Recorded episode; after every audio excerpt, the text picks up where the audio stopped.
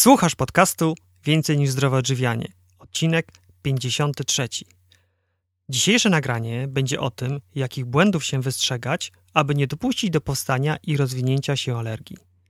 Ja nazywam się Michał Jaworski i w tych audycjach opowiadam o różnych aspektach zdrowego trybu życia. Jeżeli naprawdę, naprawdę zależy Ci na tym, czym karmisz swoje ciało i umysł, to te podcasty są właśnie dla Ciebie.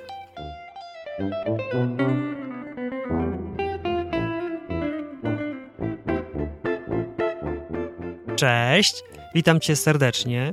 Mam nadzieję, że spędzasz teraz miło czas, siedząc sobie wygodnie w Twoim ulubionym fotelu, kanapie i popijasz jakąś pyszną herbatkę. Jeżeli nie siedzisz, a wręcz przeciwnie, biegasz lub uprawiasz jakąś inną aktywność fizyczną, to też dobrze, bo robisz coś dobrego dla swojego ciała, a jednocześnie efektywnie wykorzystujesz ten czas na pozyskanie wiedzy. Natomiast muszę się przyznać, że ja najczęściej słucham moich ulubionych podcastów podczas jazdy do pracy. Ja mam taki kombinowany dojazd. Pierwszy etap jadę samochodem i wtedy słucham podcastów. Później zostawiam samochód na parkingu Park and Ride i wsiadam do metra. W metrze przerzucam się na książkę. W metrze wolę czytać, bo hałas po prostu utrudnia słuchanie podcastu. W powrotnej drodze natomiast do domu robię dokładnie to samo, tylko w odwrotnej kolejności. Najpierw czytam książkę w metrze, a potem słucham podcastu w samochodzie. Bardzo jestem ciekaw, gdzie ty słuchasz mojego podcastu. Byłoby mi niezmiernie miło, gdybyś mi o tym napisał w formie komentarza do wpisu z tym podcastem albo wysłał taką informację na maila michał małpa więcej niż pisane bez polskich liter i bez spacji. To tyle o moich dojazdach do pracy, a teraz już przechodzę do tematu tego odcinka. Temat alergii jest wszechobecny. Mówi się o tym szczególnie w kontekście małych dzieci, które są najbardziej na nie podatne. Na szczęście z wiekiem większość dzieciaczków z tych alergii wyrasta, albo inaczej mówiąc, ich układ odpornościowy staje się na tyle dojrzały, że lepiej identyfikuje to, co jest dla niego zagrożeniem, a co nim nie jest. Jednak jak się zaraz okaże, alergię możemy sobie sami sprezentować. Sprezentować mówię oczywiście w cudzysłowie. Alergii możemy się nabawić poprzez niewłaściwe odżywianie, poprzez nadmierne stosowanie środków farmakologicznych, poprzez niewłaściwy tryb życia. Jak się okaże, te nabyte alergie są dużo bardziej niebezpieczne i trudniejsze do wyleczenia. Dlatego właśnie powstał ten odcinek podcastu. Dowiesz się z niego, czego zdecydowanie nie robić, aby po prostu takiej alergii nie nabyć. Dzisiejszy odcinek nagrałem z Bożeną Kropka. Bożena jest dietoterapeutką, autorką kilku bardzo poczytnych książek dotyczących leczenia alergii, leczenia ich głównie poprzez zmiany w diecie. Bożyna była już gościem mojego podcastu. Nagraliśmy wspólnie 35 odcinek podcastu. Był to odcinek pod tytułem Jak pokonać alergię. W dzisiejszym odcinku cofamy się o krok wcześniej i mówimy o tym, jak nie dopuścić do jej powstawania. Ale to nie wszystko. W odcinku tym również dzieli się swoimi sprawdzonymi sposobami na zdrowe odżywianie. Mówimy o zdrowych tłuszczach, o roli nawodnienia i wielu, wielu innych bardzo, bardzo ważnych wskazówkach, co jeść, a czego nie, aby być zdrowym. Zapraszam Cię na wywiad z Bożeną. Cześć Bożena. Dzień dobry. Witam cię serdecznie. Bożena jest y, już drugi raz gościem mojego podcastu, więc pozwolę sobie ciebie przedstawić.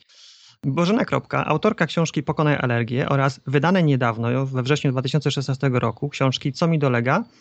Doświadczona dietoterapeutka, prowadzi gabinet, w którym leczy setki, a może nawet tysiące pacjentów, a co bardzo ważne, są to często przypadki, których medycyna akademicka, wobec których medycyna akademicka była bezradna. Czy coś jeszcze od siebie, Bożena, chcesz dodać? No myślę, że powiedziałeś już bardzo dużo. Dobrze. To jest twoja druga książka, Pokonaj alergię. Jest to czwarta książka, no proszę. Tak, jest to czwarta książka. Pierwsza książka jest y, właśnie o, o moim programie, przede wszystkim 6 kroków wyjścia z alergii, czyli jest w książce Pokonaj alergię. Później napisałam dwa poradniki dla dzieci o zdrowym żywieniu, no i teraz jest czwarty poradnik, co mi dolega, wydany przez wydawnictwo Znak. Dobrze, powiedz skąd pomysł na tą czwartą książkę i co ona w sobie zawiera?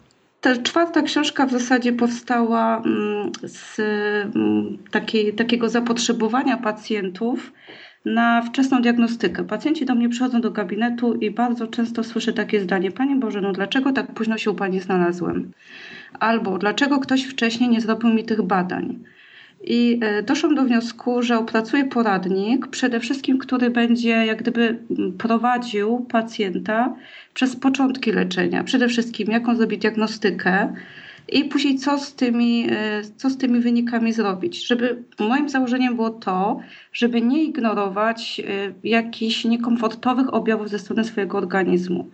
Czyli jeżeli boli mnie głowa, mam zaparcia, mam luźne stolce, żeby tego nie zostawiać i z taką myślą, że kiedyś tam tym się zajmę, bo może się okazać, że w naszym organizmie rozwija się bardzo ciężka choroba, z którą później będzie o wiele trudniej walczyć. I takie było moje założenie.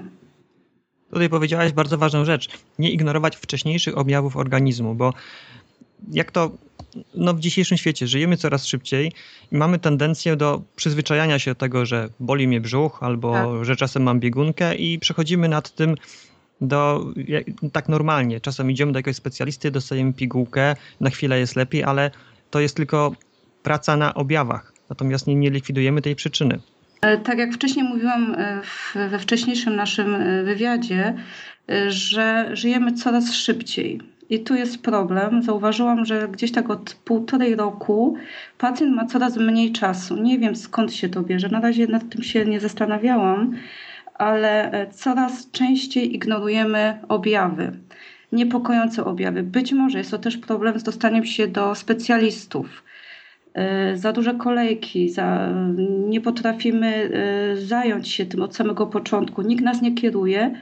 No i efektem tego jest to, że bierzemy coraz więcej leków e, bez żadnej kontroli, bez kontroli terapeutów, bez kontroli lekarzy.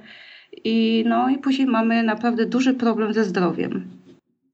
Zanim rozpoczęliśmy nagrywanie tego wywiadu, to powiedziałaś mi taką bardzo ciekawą i w sumie, jak dla mnie, to tragiczną historię pacjenta, który się leczył na kręgosłup. No i właśnie co się wydarzyło? Możesz to przytoczyć? No, oczywiście mogę. Pacjent, oczywiście własna działalność gospodarcza, brak czasu na leczenie. Boli kręgosłup, brakuje czasu na rehabilitację, na masaże, więc najprostszym rozwiązaniem była wizyta u neurologa. Neurolog przepisuje leki przeciwzapalne, bardzo mocne, i nie zapytał pacjenta, że ma problem z żołądkiem i że ma problem e, z wirusowym zapaleniem wątroby. E, po czasie, po braniu e, tych leków, okazało się, że bardzo mocno została uszkodzona wątroba. I teraz pacjent do mnie przychodzi i w zasadzie mam bardzo, mm, bardzo ciężki orzech do zgryzienia, bo w tej chwili nie wiem, jak tego pacjenta leczyć. Chora wątroba nie wynika z problemów dietetycznych, z błędów dietetycznych, ale z zastosowanej farmakoterapii. I tutaj jest bardzo duży problem, jak teraz temu pacjentowi pomóc.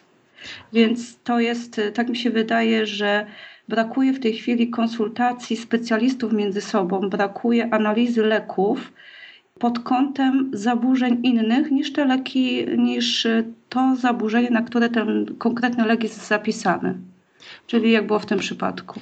Powiedz, w swojej praktyce dużo masz takich przypadków, że ludzie mają problemy z, po tym, jak zażywali jakieś lekarstwa? Tak, 80% w tej chwili.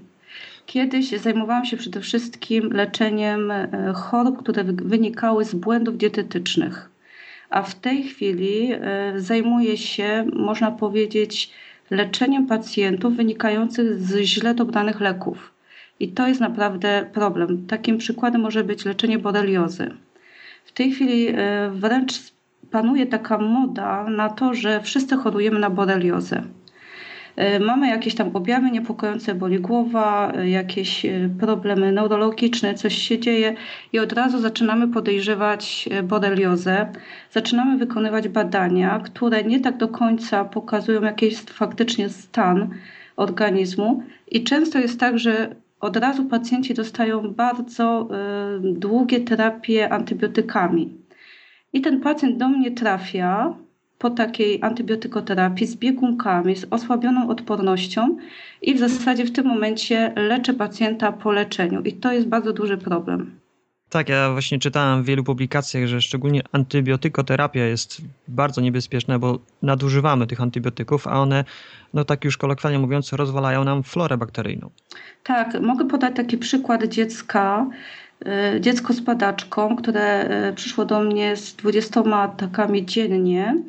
Po y, wprowadzeniu zaleceń dietetycznych tych ataków było 5 w tygodniu ale były wprowadzone antybiotyki. Dziecko było zalane śluzem w lutym i pani doktor nie powiązała tego, to był luty, marzec, nie powiązała tego z tym, że kwitnie brzoza i prawdopodobnie jest to reakcja na brzozę. Dziecko dostało antybiotyki i wróciły nam ataki padaczki. Bez względu na to nie zmieniałyśmy nic w diecie i wtedy tak dopiero do mnie to mm, dotarło, że e, przez to, że były podane antybiotyki, została zaburzona flora bakteryjna, mm, powstała patogeniczna flora bakteryjna, ona później generowała toksyny, które uszkadzały centralny układ nerwowy. I e, na przykład bakterie kwasu mlekowego, mm, flora, nasza flora naprawdę wpływa na odporność, ma działanie immunomodulujące, wpływa na produkcję enzymów trawiennych, na produkcję witamin.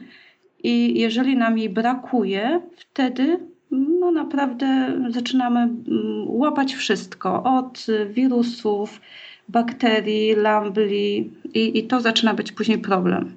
Rozumiem. Jak trafia do ciebie taki pacjent z patologiczną florobakteryjną, w jaki sposób mu pomagasz? Przede wszystkim na początku y, kiedyś robiłam badania i w zasadzie teraz też robię badania 80% pacjentów, y, ale dochodzę do wniosku, że analizuję dokładnie historię leczenia pacjenta, tego co się z nim dzieje. I y, już nie wysyłam na te badania flory bakteryjnej, które kosztują 350 zł, ale już te pieniądze przeznaczam na, na terapię bakteriami kwasu, kwasu mlekowego, nie tylko tymi aptecznymi, a czasami pacjent musi iść do przeszczepu jest skierowany na przeszczep flory bakteryjnej od zdrowego człowieka. I muszę powiedzieć, że jak połączyłam sześć kroków wyjścia z alergii, czyli regenerację jelic odbudową flory bakteryjnej, no to w 90% przypadków naprawdę jest niesamowita poprawa stanu zdrowia, z tym, że w tej chwili borykam się ze skutkami ubocznymi stosowania leków i tutaj już jest sprawa, sprawa bardziej skomplikowana. Na czym polega przeszczep flory bakteryjnej od zdrowego człowieka? Są w tej chwili y, no, bardzo trudno znaleźć y, kogoś, kto ma zdrową florę bakteryjną, prawidłową florę bakteryjną. Każda antybiotykoterapia zaburza florę bakteryjną i nie wiadomo, czy ona później mm, odpowiednio się odbuduje. Y, są dawcy, mm, którzy akurat tutaj, gdzie robię te przeszczepy, mamy pięciu dawców ci dawcy, e, oni są badani pod kątem e, chorób, pod kątem nosicielstwa. I, no i kał jest, oddają kał, ten kał jest odpowiednio przygotowywany, odwirowywany i później podawany pacjentom albo doodbytniczo, albo donosowo. To jest jednorazowy zabieg, czy to trzeba jakoś cyklicznie powtarzać? No niestety cyklicznie. I teraz e, jest taka sytuacja, że jeżeli pacjent nie przestrzega zaleceń dietetycznych, e, to tych przeszczepów trzeba zrobić czasami kilkanaście co dwa tygodnie. Ale w przypadku moich pacjentów Zazwyczaj się to kończy na trzech przeszczepach e, co półtorej, co dwa miesiące. Właśnie jest to związane z tym, że, że jest odpowiednia dieta, nie ma stanu zapalnych w jelitach, no i wtedy te bakterie mają warunki do tego, żeby się rozwinąć. Rozumiem. Czy tak podsumowując tą część obudowy flory bakteryjnej, to zrozumiałem, że w takich prostszych przypadkach wystarczą bakterie kwasu mlekowego, na przykład takie apteczne i tak. zalecenia dietetyczne. W trudniejszych przypadkach wprowadzasz jeszcze program 6 kroków wyjścia z alergii, a w tych najtrudniejszych dołączasz jeszcze przeszczep flory bakteryjnej od tak. zdrowego dawcy.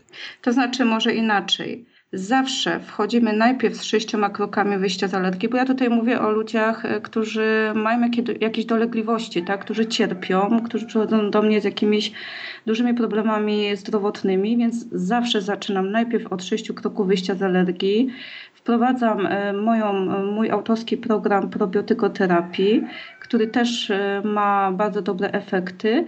Jeżeli to nie pomaga, to dopiero wchodzę z przeszczepami. Jak długo trwa takie wyciągnięcie człowieka, odbudowa flory bakteryjnej? Odbudowa flory bakteryjnej u mm, takiego przeciętnego pacjenta, który przestrzega zaleceń, to jest około roku.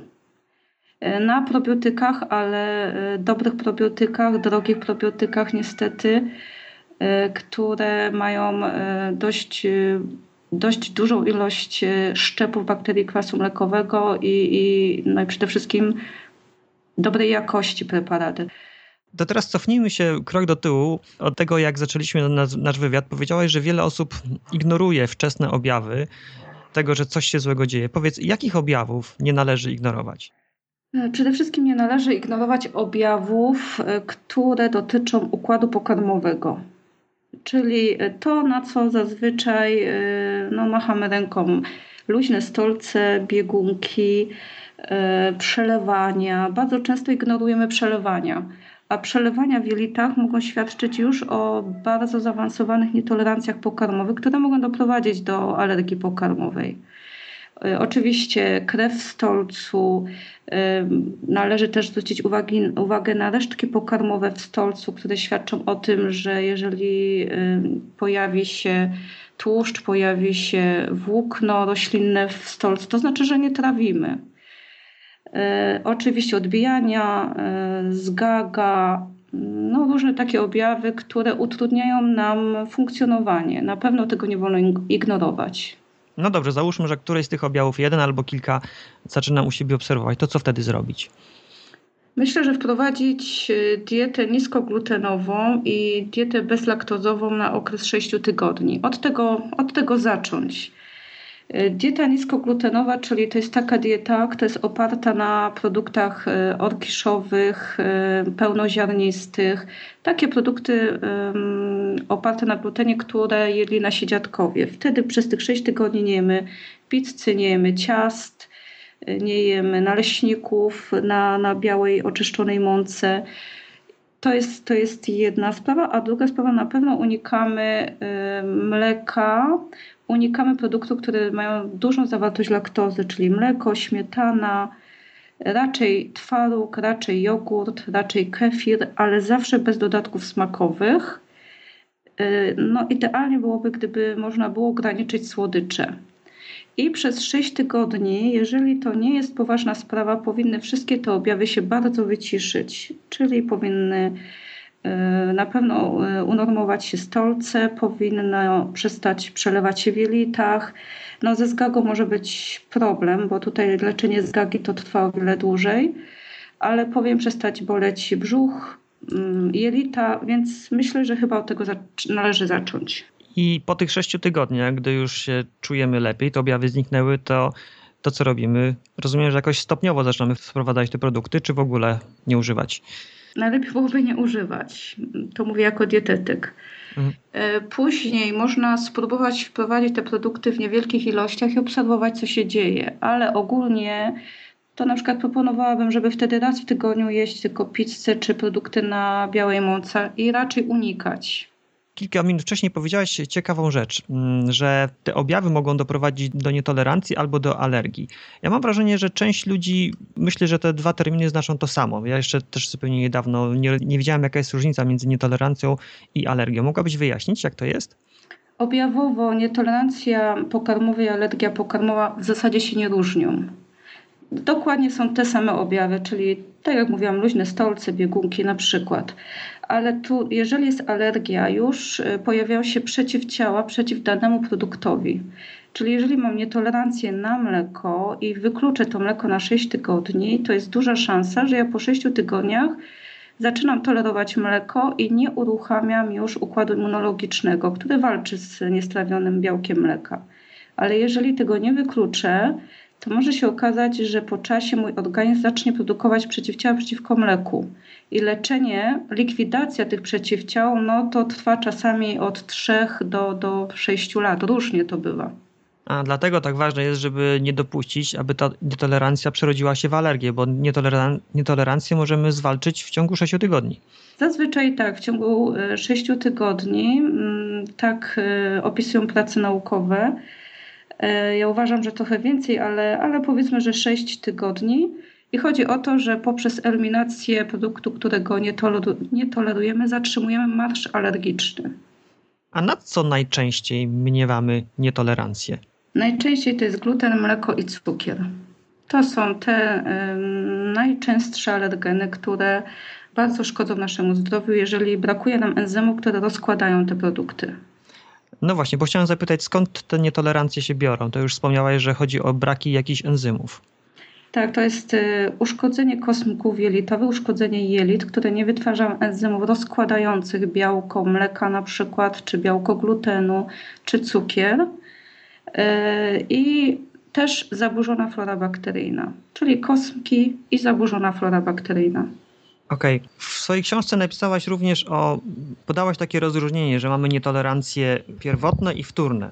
Tak. Pierwotne nietolerancje to są e, nietolerancje wrodzone.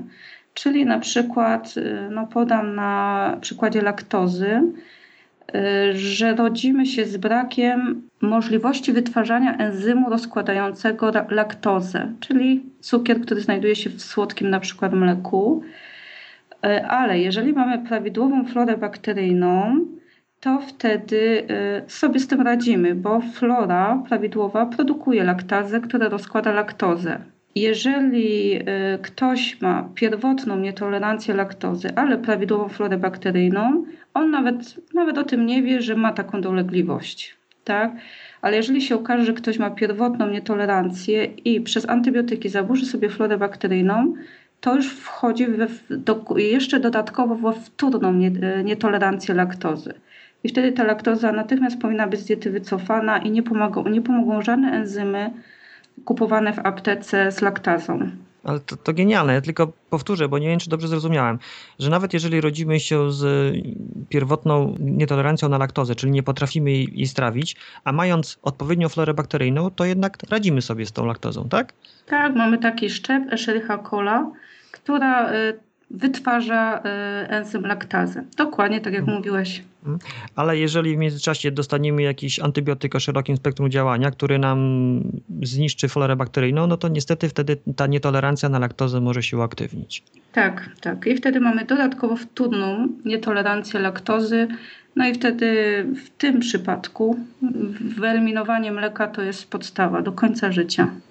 A ta wtórna nietolerancja to jest coś, co nabyliśmy już w swoim życiu, tak?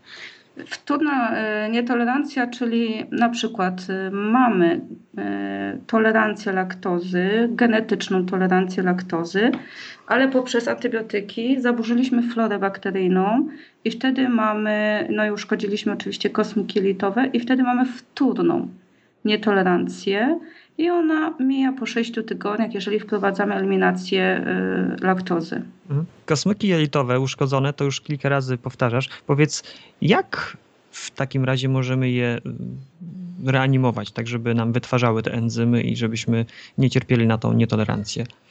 E, kosmyki jelitowe mają wysokość 1 mm, bardzo są maleńkie, bardzo wrażliwe na czynniki środowiskowe i na błędy dietetyczne ale na szczęście okazało się, że można je regenerować właśnie od 6 tygodni do 3 miesięcy. Mm, dietą bardzo tutaj pomaga właśnie dieta bez glutenu, mleka i cukru i dlatego ona jest w moim programie 6 kroków wyjścia z alergii. Dobrze, ale załóżmy, że jednak przegapiliśmy te pierwsze objawy, te nietolerancje przerodziły się w alergię. W ogóle w jaki sposób możemy rozpoznać, że mamy na coś alergię? Co jest takim czynnikiem, który powinien zwrócić naszą uwagę, że jednak to może nas alergizować? No, jeżeli to już jest alergia, to wtedy na przykład y, mamy y, ciągle powtarzające się infekcje albo y, na przykład anginy. Czyli jeżeli jest taka sytuacja, że no, bez badań, bez robienia jakichkolwiek badań w tym momencie, e, zaczyna się od luźnych stolców, e, przelewania w jelitach i to trwa tydzień, dwa, sześć i nagle zaczynamy chorować na anginy. Zaczynamy mieć problemy z takim rozbiciem, mamy problem z osłabieniem. To już trzeba podejrzewać, że to już jest alergia. Ale to ciekawe, czyli mamy na przykład alergię na, na, na białko krowie i to może spowodować nasze częste infekcje górnych dróg oddechowych, tak? Dokładnie, bo wtedy mm, my jesteśmy cały czasem narażeni na działanie wirusów, bakterii, całym czasem z tym mamy styczność, tak? Więc mocny układ immunologiczny zlikwiduje każdego wirusa, czy to będzie boreliozy, zlikwiduje każdego pasożyta, czy to będzie lamblia, candida, akurat candida jest grzybem, wszystko potrafi zlikwidować mocny układ immunologiczny. Ale jak układ immunologiczny, odpornościowy, y, musi zlikwidować y, niestrawiony gluten czy mleko, to on wtedy w ogóle nie zajmuje się infekcjami. No i wtedy można tak powiedzieć, że, że bakterie i wirusy szaleją w naszym organizmie i atakują różne, mm, różne miejsca. No, przede wszystkim y, pierwsza, pierwsze miejsce, gdzie, gdzie wirusy i bakterie się aktywują, czyli migdałki. Rozumiem. O tym, jak sobie poradzić z nietolerancją, to już mówiłaś, to była ta dieta sześciotygodniowa, ale jeżeli mamy już tą alergię, to w jaki sposób poprzez dietę tą alergię można wyleczyć? W tym momencie dobrze by było wprowadzić program 6 kroków wyjścia z alergii, czyli regeneracja jelit, odbudowa flory bakteryjnej y, i przygotowanie odpowiednio środowiska, żeby było jak najmniej czynników alergizujących, czyli jednym słowem w przypadku dzieci likwidacja czy, czy zamknięcie wszelkich pluszaków y, i, i, książek za, nie wiem, w jakichś skrzynkach, żeby nie było działania roztoczy na y, układ oddechowy dziecka. No więc trzeba byłoby tych sześć kroków wyjścia z alergii wprowadzić. A jak długo trwa taki program? Wszystko zależy od tego, jak długo dana osoba choruje i ile wzięła już leków. Jeżeli do mnie przychodzi dziecko, które dopiero zaczyna chorować, dopiero ma anginy, dopiero te anginy się zaczęły, nikt nie zdążył go nafaszerować antybiotykami, sterydami, to wtedy leczenie jest bardzo krótkie. Ale jeżeli do mnie przychodzi osoba, która bierze 10-15 lat leki czy antybiotyki, no to już wtedy wiadomo, ten proces leczenia jest bardzo długi i bardzo duży jest problem przy odczulaniach. Tak, jeżeli pacjent przyjdzie do mnie po odczulaniu Według mnie bardzo często odczulanie jest e, za szybko wprowadzone, bez pełnej diagnozy, i później to jest duży problem, e, żeby pacjenta leczyć po odczulaniu. A co masz na myśli mówiąc odczulanie? Na przykład, jeżeli pacjent e, ma alergię na trawy, ma ogromne objawy nietolerancji traw, gdy one kwitną, nie wiem, przewlekły katar, e, stan zapalny spojówek. Pacjent się bardzo męczy. E, potrzebuje pomocy. Idzie do, do lekarza i lekarz proponuje odczulanie na trawy, tak? czyli jak gdyby mm, przytłumianie tego układu immunologicznego, żeby tak nie reagował na pyłki traw. Ale może się okazać, że ta nietolerancja traw wynika z tego, że e, pacjent nie toleruje glutenu. Bo proszę pamiętać, że trawy rodzina botaniczna traw, czyli na przykład tymotka łąkowa i, e, i zboża, to jest to samo. Tak? Czyli jeżeli ja nie toleruję e, traw, to ja nie, to, nie toleruję również zbóż. I jeżeli nie ma diagnostyki, dlaczego ja nie toleruję tych traw, bo może się okazać, że to jest efekt nietolerancji glutenu i e, całym czasem podczas odczulania jem ten gluten, to po pierwsze nie ma efektów odczulania takie, jak, jakie powinny być, a po drugie ten gluten kumuluje się w naszym organizmie i atakuje różne narządy. I wtedy pacjent do mnie przychodzi na przykład z reumatoidalnym zapaleniem stawów. Tak, czyli nie ma objawów po odczulaniu, nie ma już objawów pyłkowicy, ale za to przychodzi z jeszcze gorszą chorobą, przychodzi z chorobą, która wynika z autoagresji. No jest to duży problem, naprawdę tak. bardzo duży problem, mhm. bo e, no, dla mnie to jest e, wręcz katastroficzne podejście do pacjenta, bo później stan jego zdrowia naprawdę jest e, bardzo zły, bardzo kiepski. A to odczulanie u lekarza to jest po prostu eliminacja tego z diety, czy to są jakieś środki farmakologiczne, czy jakieś jeszcze inne sposoby odczulania? To są zastrzyki.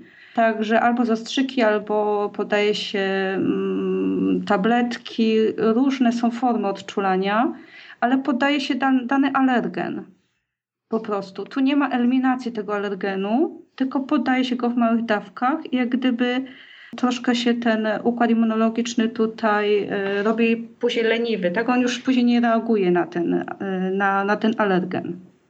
Kilka razy wspomniałaś o roli flory bakteryjnej w budowaniu naszej odporności na choroby, ale też i alergie.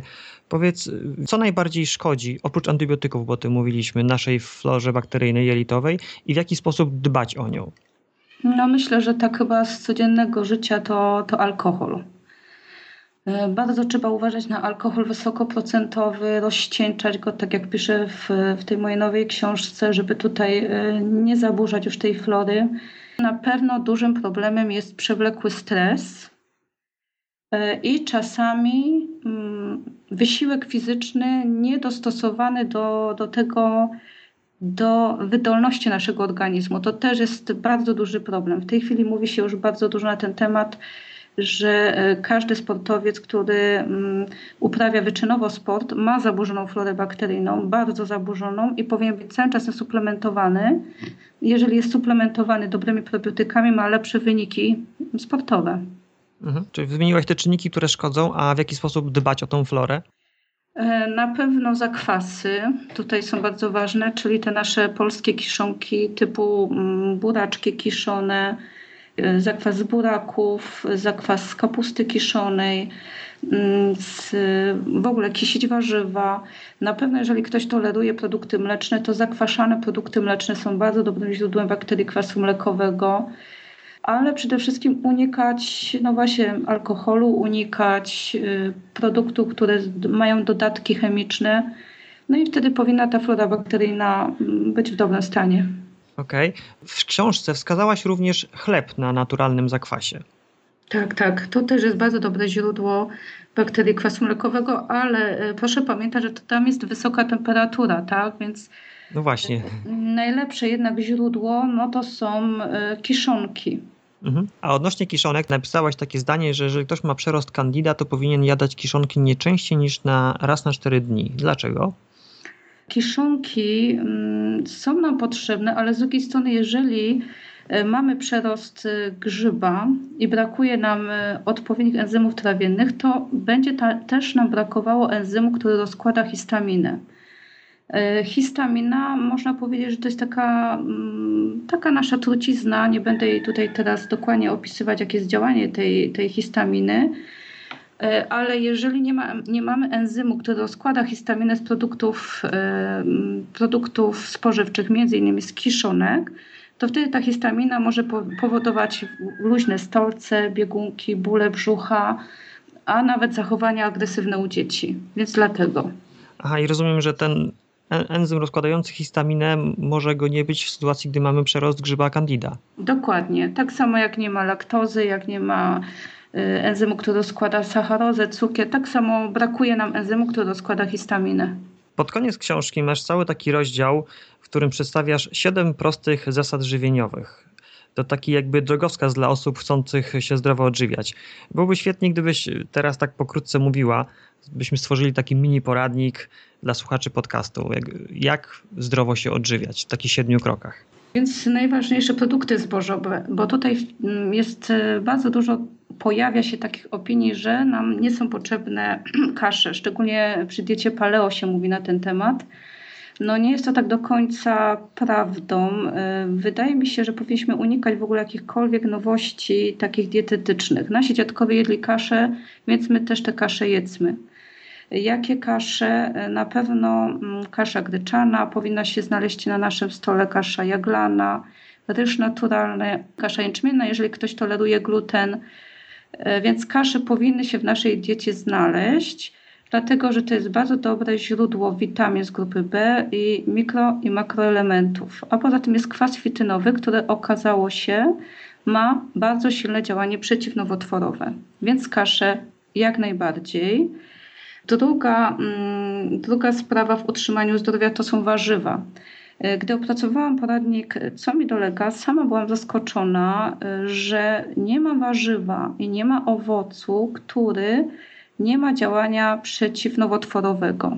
Aż w ogóle zaskakuje, że, że w ogóle są nowotwory. Każde warzywo, każdy owoc Każde nasionko, orzechy ma silne działanie mm, prozdrowotne. No niestety mm, produkty przemysłowe tego nie mają, ale warzyw powinno być około kilograma dziennie w tej chwili. I to takich warzyw po obraniu. Tak? Czyli jak obierzemy ze skórek, z łodyg, to wtedy tych warzyw powinno być kilogram i wbrew pozorom to wcale nie jest dużo. Gdzieś około 200 gramów powinno być zielonych roślin, a reszta y, no to wszystkie inne, korzeniowe, mm, jakaś tam, czy, czy marchewka, pietruszka, cebula, dynia, wszystko nam jest potrzebne. Trzecia sprawa, strączki. No tutaj ze strączkami mamy bardzo, bardzo duży problem. Nie jemy strączków, y, ponieważ uważamy, że są ciężkostrawne, że mamy później po nich y, gazy i unikamy tych roślin. Tymczasem y, strączkowe w diecie naszych dziadków to była podstawa. Oni jedli tylko y, raz w tygodniu mięso, a przez 6 dni w tygodniu opierali się na strączkach. I y, tak jak zawsze mówię mm, na warsztatach pacjentkom, że gdybyśmy jadły strączkowe, to nie byłoby takich obfitych okresów, bo proszę zauważyć, kiedyś nie było waste'ów, nie było podpasek, a przecież kobiety funkcjonowały. Przez to, że jadły strączkowe, które mają fitoestrogeny i działają, y, mają takie mm, stabilizują kobiety hormonalnie, więc nie ma napięcia przedmiesiączkowego. Jak jeść strączkowe na początku? Wydaje mi się, że najlepiej zmielić na mąkę i dodawać do potraw. I później stopniowo rozszerzać strączki. Dietetyka mówi o produktach nabiałowych, więc ja też tutaj musiałam do tego y, się odnieść proponuję dwie, trzy porcje e, produktów nabiałowych, e, ale pod warunkiem, że te produkty tolerujemy. Bo jeżeli e, mamy zaburzoną florę, mamy uszkodzone jelita, nie tolerujemy mleka, to wtedy ono będzie nam szkodziło. Miałeś jakieś pytania dotyczące mleka, tak? Tak, bo właśnie nie ukrywam, że to zalecenie dotyczące nabiału mnie zaskoczyło, bo dietetycy różnie do tego podchodzą. Natomiast y, coraz częściej spotykam się z zaleceniami, żeby jednak właśnie mm, może nie eliminować, ale ograniczać nabiał w swojej diecie. I stąd moje zaskoczenie i właśnie zastanawiam się, dlaczego te dwie, aż nawet trzy porcje dziennie y, mhm. tutaj proponujesz. No, dlatego, że obserwuję, co się dzieje z naszą florą bakteryjną. No nie ma co ukrywać, że jednak laktoza y, i, i mleko, znaczy laktoza jest dobrą pożywką dla bakterii kwasu mlekowego. Bakterie lubią laktozę. Y, w produktach zakwaszonych mlecznych mamy bakterie kwasu mlekowego, z, z tym, że tak jak pisałam w mojej książce, przede wszystkim, jeżeli mam zdrowe jelita, zdrową florę bakteryjną, i produkty mleczne z źródeł ekologicznych, bo zauważ, y, że pisze o tym, że to muszą być źródła ekologiczne. Tak. Mleko musi być surowe, to nie może być mleko przetworzone. Wtedy to jest doskonałe źródło y, bakterii kwasu mlekowego. Także nawet nie pod kątem wapnia, tylko pod kątem bakterii kwasu mlekowego y, zalecam tutaj produkty mleczne. Na pewno produkty mleczne kupowane w sklepie, niestety, nie mają tych właściwości, dlatego dietetycy coraz częściej piszą o tym, żeby jednak e, uważać z mlekiem i pomimo zaleceń e, no, starać eliminować mleko z diety. W programie 6 kroków wyjścia z alergii pacjent musi być na diecie bezmlecznej. Tylko my tutaj mówimy o chorym człowieku. Natomiast książka Co mi doleka jest napisana raczej dla zdrowego czytelnika, który boryka się z jakimiś problemami, ale jest dopiero o krok przed bardzo poważnymi problemami, kiedy już musi sięgnąć po książkę Pokonaj alergię. Rozumiem, czyli w kontekście tych produktów nabiałowych to zalecasz, aby mm, jadać takie produkty sfermentowane, w sensie tak. zakwaszone, ale pochodzące z naturalnych źródeł ekologicznych, jak najmniej przetworzone. Tak, dokładnie tak. Rozumiem. Mhm. To możemy przejść do kolejnego kroku. Następnie chude mięso, tłuste ryby. No to jest problem. Najlepiej oczywiście byłoby nie jeść mięsa. Wtedy człowiek czuje się no, bardzo dobrze. Tylko pracując z pacjentami alergicznymi, ja muszę podawać mięso, bo bardzo często jest tak, że pacjent jest uczulony na strączkowe czy na wiele warzyw, często na soję, więc y, muszę się opierać na mięsach. Oczywiście y, mięso też jest bardzo dobrym źródłem dobrych tłuszczów. O tym musimy pamiętać. Tylko dobrze przygotowane mięso. Okazało się, że na przykład jeżeli e, pieczemy mięso w piekarniku do 90 stopni, zachowujemy kwasy tłuszczowe omega-3, e, czyli e, jest to bardzo dobre źródło tłuszczów. Pamiętajmy, że potrzebujemy tłuszczów do produkcji hormonów płciowych. Także to mięso raz w tygodniu chude powinno się pojawić i tłuste ryby na pewno, bo wiadomo, one są e, doskonałym źródłem kwasów tłuszczowych omega-3, które działają przeciwzapalnie, szczególnie jeżeli ktoś ma e, przewlekłe infekcje. I zdrowe tłuszcze. No muszę powiedzieć, że jak pisałam książkę Co mi dolega, to miałam bardzo duży problem ze zdrowymi tłuszczami. Jakie są zdrowe tłuszcze? My, dietetycy, zaczynamy w takich małych kręgach zastanawiać się, co to znaczy w ogóle zdrowy tłuszcz. Czy na pewno tłuszcze, tłuszcze pochodzenia roślinnego z pierwszego tłoczenia, czy one na pewno dla nas są takie zdrowe? Bo proszę pamiętać, że mm, te tłuszcze się bardzo szybko utleniają. Y, kupujemy na przykład y, mm, oliwę z oliwek, która stoi na półce sklepowej w nasłonecznionym miejscu E, dajemy za tą oliwę dosyć, dosyć sporo pieniędzy, ale tak do końca my nie wiemy już, co w tej butelce jest. Co innego um, oliwa z oliwek kupiona w Grecji, gdzie jest przygotowywana przez rolnika, tłoczona na, na zimno w odpowiednich y, tam tradycyjnych warunkach, a tak do końca my nie wiemy, jakie tłuszcze mamy w tych butelkach, co do nas trafia. E, wiemy już, że nie wolno smażyć na takich tłuszczach z pierwszego tłoczenia, więc na czym smażyć? Jest problem. Okazało się, że jednak e, można smażyć na maśle garni, tak jak robili nasi dziadkowie. E, nasi dziadkowie mieli masło, nie mieli lodówek, więc oni to masło topili, usuwali białko, które powodowało proces jączenia i wtedy to masło mogło im służyć przez miesiąc, dwa i na tym maśle smażyli. Smażyli na smalcach. My ogólnie wiadomo unikamy smażenia, ale od czasu do czasu, jeżeli mamy taką ochotę, no to myślę, że to masło garni, smalec jest najlepszym, oczywiście nie wieprzowy smalec, jest, e, no na tym można smażyć. Byłam zaskoczona, bo miałam pacjenta takiego, który przyszedł do mnie z bardzo niskim e, poziomem dobrych kwasów tłuszczowych, HDL-u, to znaczy frakcją cholesterolu, która się nazywa HDL. I okazało się, że podnieśliśmy HDL poprzez smalec gęsi. No, według dietetyki no, dziwna sprawa, ale okazało, okazuje się, że tak, że jednak te tłuszcze zwierzęce są nam potrzebne, ale dobrej jakości. Jak mówisz o smażeniu czy duszeniu to i dobrych tłuszczach, to przychodzi mi do głowy tłuszcz kokosowy. Co o nim sądzisz? Trudno mi się tutaj odnieść, tak mówiąc szczerze. Mhm. E, bo ja zawsze wolę poczekać. E, zazwyczaj nie, nie, mm, nie podchodzę tak, e, tak bardzo otwarcie do wszelkich badań naukowych. Zazwyczaj czekam, co pokaże życie. Bo często tak jest, że y, dowiadujemy się, że coś jest naprawdę super zdrowe i, i powinno znaleźć się w naszej diecie, po czym po 3-4 latach dowiadujemy się, że to tak do końca nie jest. Nasi dziadkowie nie mieli takiego tłuszczu w diecie, więc ja myślę, że trzeba po prostu podejść ostrożnie do tego, bo wiem, że coraz więcej osób stosuje tylko ten tłuszcz tak, oni tylko y, ten tłuszcz mają w diecie, stał się modnym tłuszczem.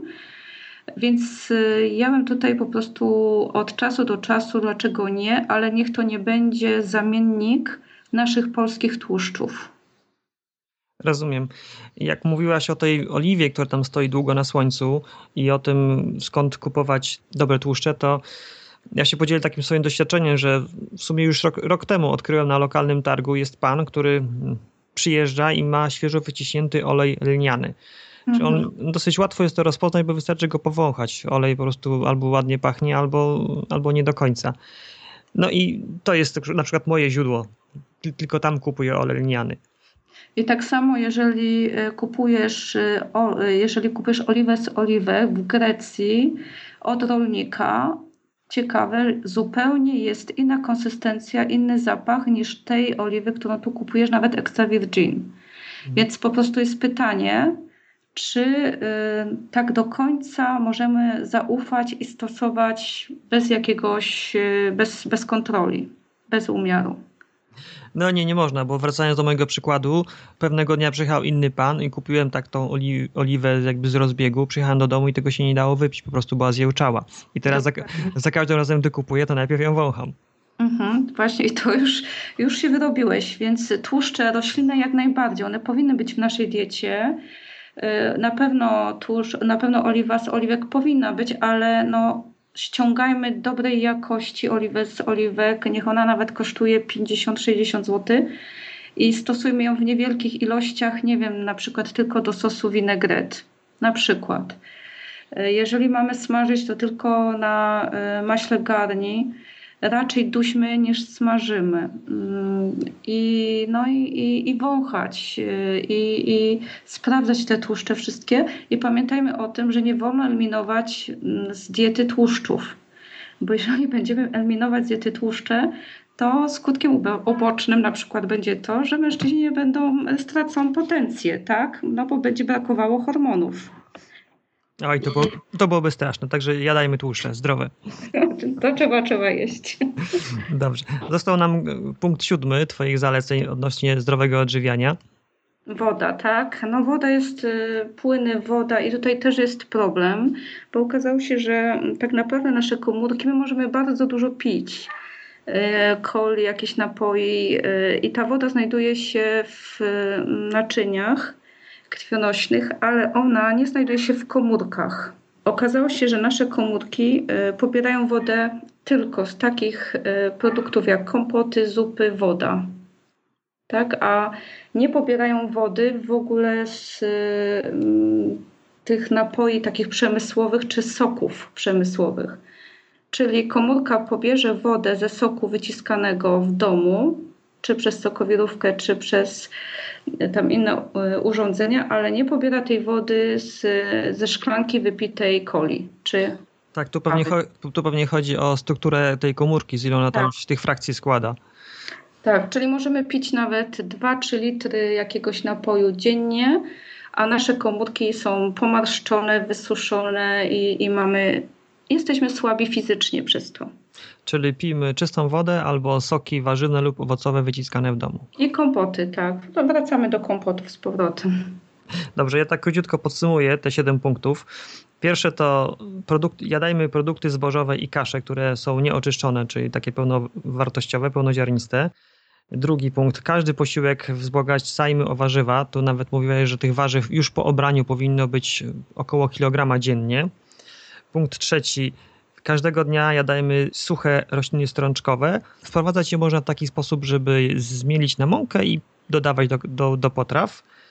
Kolejny punkt, dwie lub trzy porcje nabiału ekologicznego, przetworzonego przez bakterie kwasu mlekowego, czyli twaróg, no i pochodzącego ze źródeł ekologicznych, ale tylko dla osób, które nie mają nietolerancji na białko lub laktozę. Co dalej? Kolejny punkt. Co? Tak, chude mięso i tłuste ryby, zdrowe tłuszcze i dużo płynów. Dokładnie, tak. Świetnie.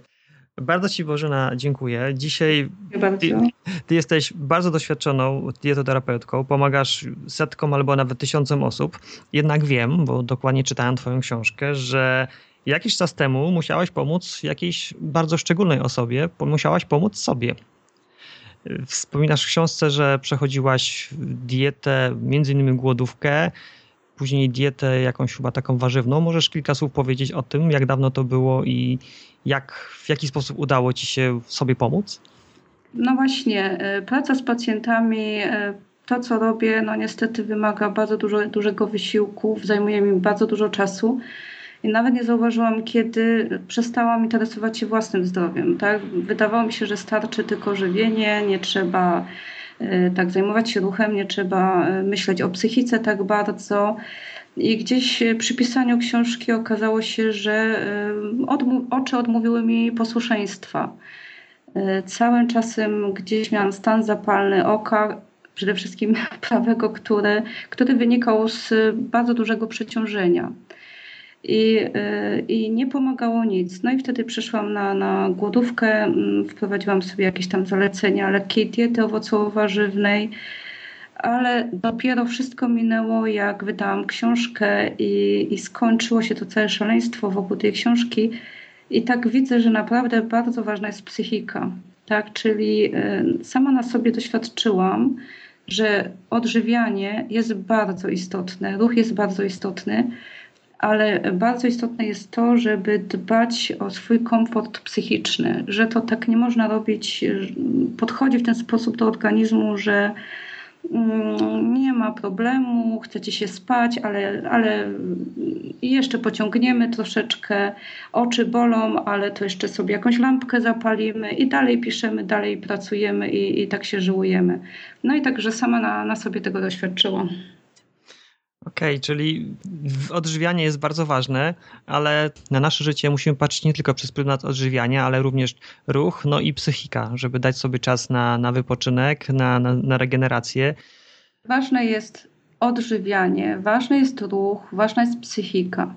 Mhm. Nie można się zająć tylko psychiką, nie zwracając uwagi w ogóle na odżywianie się, tak? Bo choćbym e, prowadziła nie wiadomo jakie medytacje, e, jak e, siebie relaksowała, ale jeżeli będę jadła cukier, ja będę ciągle pobudzona, to on mi nic nie da.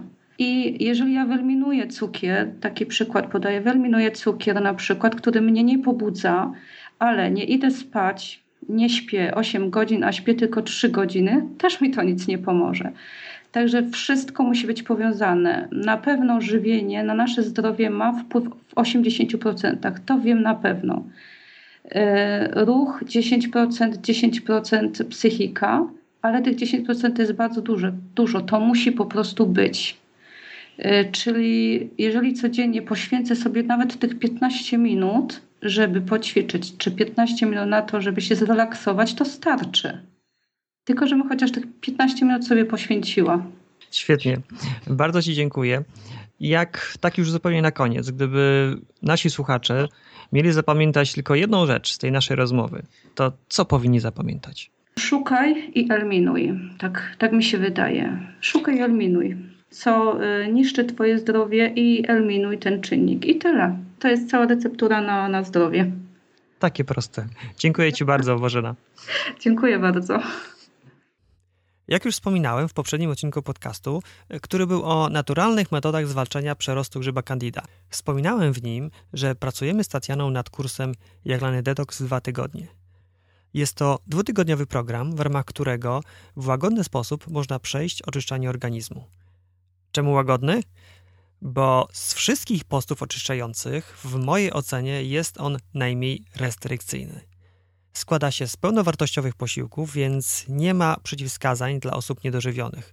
Jego działanie polega na z jednej strony odżywieniu organizmu, bo w tym czasie spożywamy dużo odżywczych, mam tu na myśli witaminy, minerały i fitoskładniki odżywczych posiłków, a z drugiej strony na czasowej eliminacji pokarmów przetworzonych i zakwaszających. W ramach tego programu otrzymasz od nas listy zakupów oraz propozycje sklepów, w których możesz bez biegania za jednym podejściem kupić wszystkie produkty niezbędne do przejścia tego czyszczania.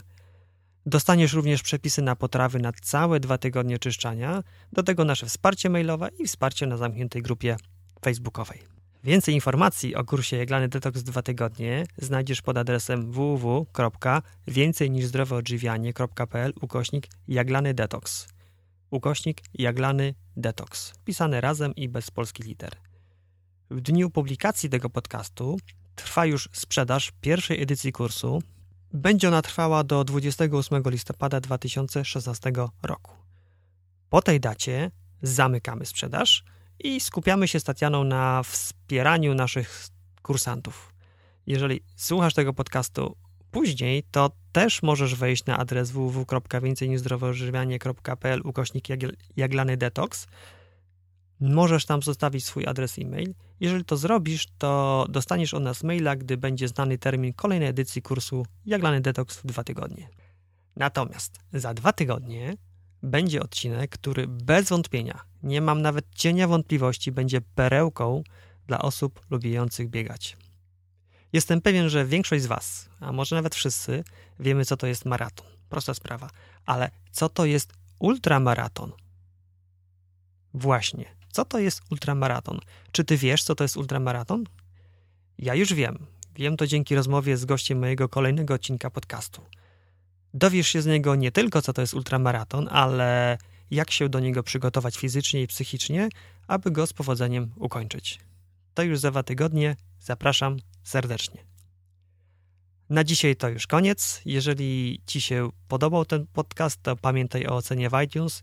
Ostatnio pojawiła się bardzo miła recenzja autorstwa Dmochu 9. Dmochu napisał lub napisała, bo nie wiem jaka jest płeć. Tatiana i Michał tak niesamowicie mówią o jedzeniu i zdrowym odżywianiu, że zastanawiam się, czy pod ich czapkami kucharskimi nie kryje się sympatyczny szczurek z Ratatuj. Przyznali je waszej kuchni mocną gwiazdkę Michelin. Bardzo dziękuję za ten przesympatyczny wpis. Film Ratatuj oglądałem ze swoimi dziećmi kilka razy i mam z nim bardzo miłe wspomnienia. Czekam oczywiście na kolejne recenzje. Obiecuję, że będę je regularnie wyczytywał w kolejnych odcinkach podcastu. Na dzisiaj to już zdecydowanie koniec. Pamiętaj o recenzji, pamiętaj o jaglanym detoksie i do usłyszenia za dwa tygodnie. Cześć!